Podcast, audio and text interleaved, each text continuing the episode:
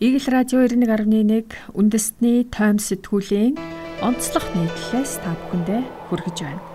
Нийтлэлч хонгор зул хаалга төгшсөн дампуурл Өртөө хүн өөдөлдгүй өттэй мал таргалдгүй гихчээр энэ янзаараа Монгол улс мүд өөдлөхгүй нэ.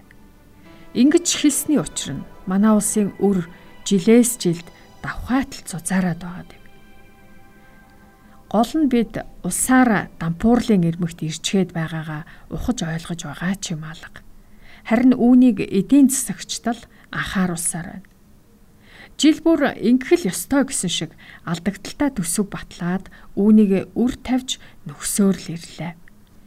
Ирэх баригчид сангийн яамныхан манай улс сүүлийн 10 гаруй жилийн турш төлбөрийн тэнцэл урсгал дансны хос алдагдaltaа явж ирлээ гэдэг өгүүлбэрийг давтсаар сууна.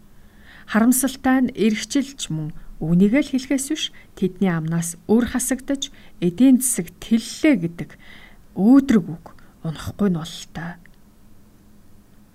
2023 онд 1.4 тэрбум долларын бондын өр Хятадын Ардын банктай хийсэн swap хилцлийн 2.5 тэрбум долларын зээлийг барагдуулах ёстой.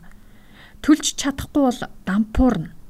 Гэтэл Иймэгзэгтэй үед 1.6 их найдын алдагдaltaа төсөв хилцгээд сууцгааж байна. Дээр хэсэл дээр хэлсэнчлэн төсвийн алдагдлыг үр тавьжил нөхдөг.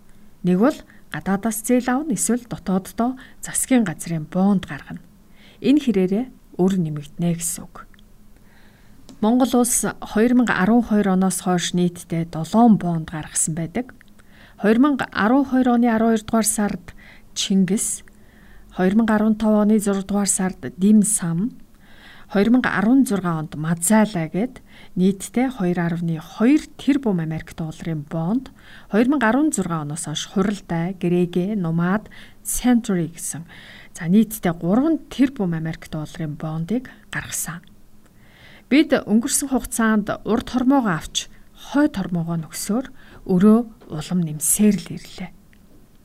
Дээрх бондуудаас зөвхөн Чингис бонд л төсөл арга хэмжээнүүдийг санхүүжүүлсэн бол бусд нь төсвийн алдагдлыг нөхөд зарцуулагдсан билээ.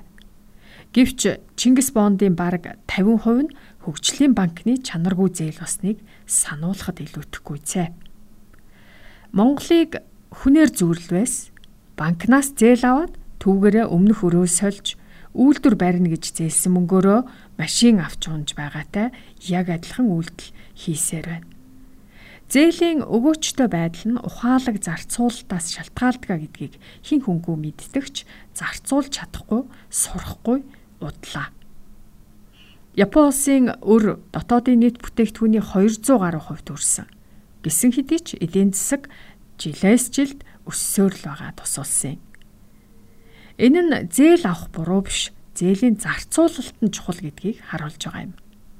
Монгол улсын нийт гадаад үрийн хэмжээ 2022 оны хагас жилийн байдлаар 33.3 тэрбум Америк доллартай тэнцэж байгаагаас 21.3 тэрбум Америк долларыг аж ахуй нэгжүүдийн гадаад үр 8.1 тэрбум Америк долларыг засгийн газрын гадаад үр 2.5 тэрбум Америк долларыг Төв банкны үр үлдсэн 1.4 тэрбум Америк долларыг арилжааны банкуудын үр тус тус эзэлж байна. 2023 оны төсвийн хүрээний мэдэгдэл хэлцгүүгээр улсын хурлын гишүүн даваа сүрэн олон улсын аргачлалаараа төрийн өмчит компаниудын өр засгийн газрын өрөнд тооцогддог. Манай улсын өрийн харьцаа замбраага алдсан. Дампуурх хэмжээндээ хүрсэн гэж хэлснийг энд эргэн сануулъя. Мөн энэ үеэр улсын хурлын дарга зандан шатар төсвийн алдагдлаа бууруулах замаар их захгүй өрөнд орж байгаа явдлаа хязгаарлыг үр тавьж халамж олгоод үндэсний үйлдвэрлэлээ татаж унагадаг бодлогоосоо хизээ салах вэ? Энэ бол эх орны эсрэг бодлогоо гэж хэлж байсан юм. Ер нь энэ өрийн асуудал, дампуурл, дефолт үе үеийн ус төрчдийн поперлын сэдв байсаар л ирлээ. Тэд хилдэг гэвч шийдэл болгохдгүй. Үүнийг жил ирэх тусам нэмэгдэж байгаа өрийн үзүүлэлтүүдээс харж олно. Улсын нийт гадаад өр 2018 онд 28.7 тэрбум, 2019 онд 30.7 тэрбум, 2020 онд 32.4 тэрбум, 2021 онд 33.8 тэрбум Америк доллар. За 2022 онд 33.3 тэрбум доллар болжээ. Хөгжиж байгаа орнуудын гадаад үр 2012 оноос доктортой байснаа 2016 оноос огцом өсжээ. Ингээд өрийн дарамттай явж байтал цар тахал түүнд ташуурвч улмал зузаалчихлаа. Засгийн газрууд иргэд компаниудаа дэмжих бодлого хэрэгжүүлнэ гэд мөнгө хевлэж тараасан. Манайхч мөн адил ийм л арга хэмжээ авсан. Тийм ч учраас өдөрт Монголын нийт үр болон дотоодын нийт бүтээгдэхүүний харьцаа 200 гаруй хувьд хүрчээд байгаа. Хөгжиж байгаа орнуудын хувьд тус үзүүлэлт 64%-аас дээшээ 1%-аар өсөх болгонд эдийн засгийн өсөлт нь 0.2 хувиар саардгаа гэх Дэлхийн банкны судалгаа бий. Улс орнуудын гадаад үрийн эрсдлийг тодорхойлдог бүх үзүүлэлтээр нь авч үзэх юм бол Монгол улс гадаад үр эрсдэл дагуулах хэмжээнд хүрээд байна. Улс орнуудын гадаад үрийн эрсдлийг тодорхойлдог бүх үзүүлэлтээр нь авч үзэх юм бол Монгол улсын гадаад үр эрсдэл дагуулах хэмжээнд хүрчээ. Уул уурхайн түүхийн эдээс хамааралтай манай улс экспорт хэдхэн сар зогсоход өрийн хямралд орж дампуурлаа зарлах өндөр эрсдэлтэй орны тоонд багтаж байна.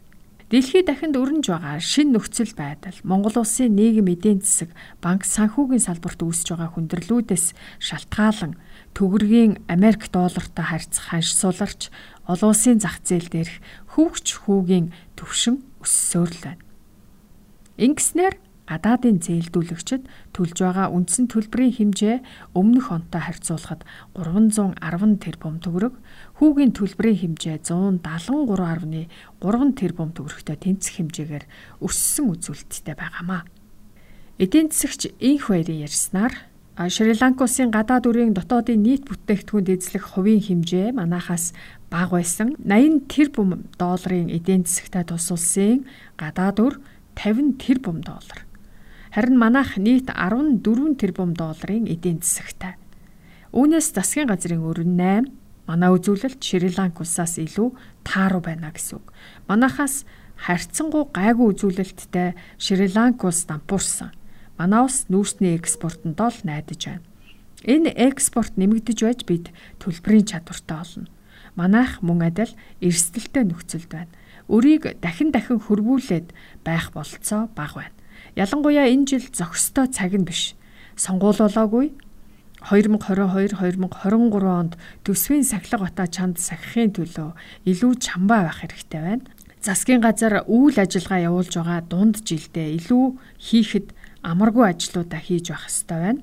2024 онд сонгуул төгөхөөр сонгуул иргэдэд таалагдах цалин тэтгэвэр тэтгэмж нэмэх шийдвэрүүд гарна. Иймээс 2023 оны төсөв мөнгөний бодлогын илүү чанга барих ёстой гэдгийг хэлсэн. Гадаад үрийн хязгаар төсвийн алдагдлын хязгаарыг өнгөрсөн жилийн шиг дээшээ сунгаад байж болохгүй. Дефолт зарлахад юу болдог вэ? Яагаад ингэж сүр бадраагаад байна вэ гэдэг асуулт гарч ирж байна. Аргентин улсаар жишээ татъя. Тус улс дэлхийн 1-р дайны үед баян улсуудын нэг байсан. Гэтэл 1970-аас 80-аад онд уналтанд орсоор 2022 онд гадаад үр төлбөртөө дефолт зарлсан юм а. Үүний дараа 2002 оны 3 дугаар сард долларын эсрэг песо өнгүүдэж 1 Америк доллар 1 песо байсан хаш 3.9 дахин унсан. Аргентин улс энэ уналтаас хойш өрийн чөтгөрийн тойрогт эргэлцээр хүнд цаг үеийг тулсаар иржээ. Сүүлд дампуурлаа зарласан Шри-Ланк улсад олныг хамарсан эсэргүүцлийн жагсаал болж улс даяараа онц байдал зарлж байсан. Энэ бүгдээс харахад дефолт зарлах нь гадаад зах зээлээс их усүр татах хүүг өсгөх, за мөн зээлжих зэрэглэлийг бууруулах, гадаад худалдааг хумж банкны системийг унгах, үндэсний мөнгөн тэмдэгтийн хашийг бууруулах зэрэг олон асуудлыг улс оронд дагуулдаг байна.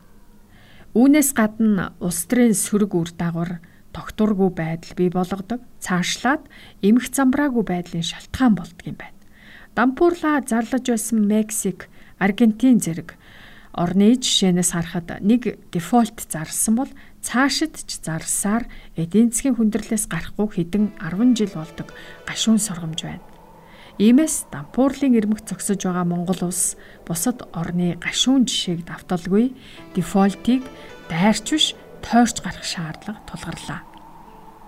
Үүний тулд юун төрөнд 2023 оны төсвийг хамгийн бага алдагдaltaа батлах хэрэгтэй байна гэдгийг эдийн засагчид хэлж байна. Игэл радио 91.1 үндэстний тойм сэтгүүлийн онцлог нийтлэл нийтлэлж хонгор зулын битсэн хаалга төгшсөн дампуурл гэсэн нийтлэлийг та бүхэндээ хүргэлээ.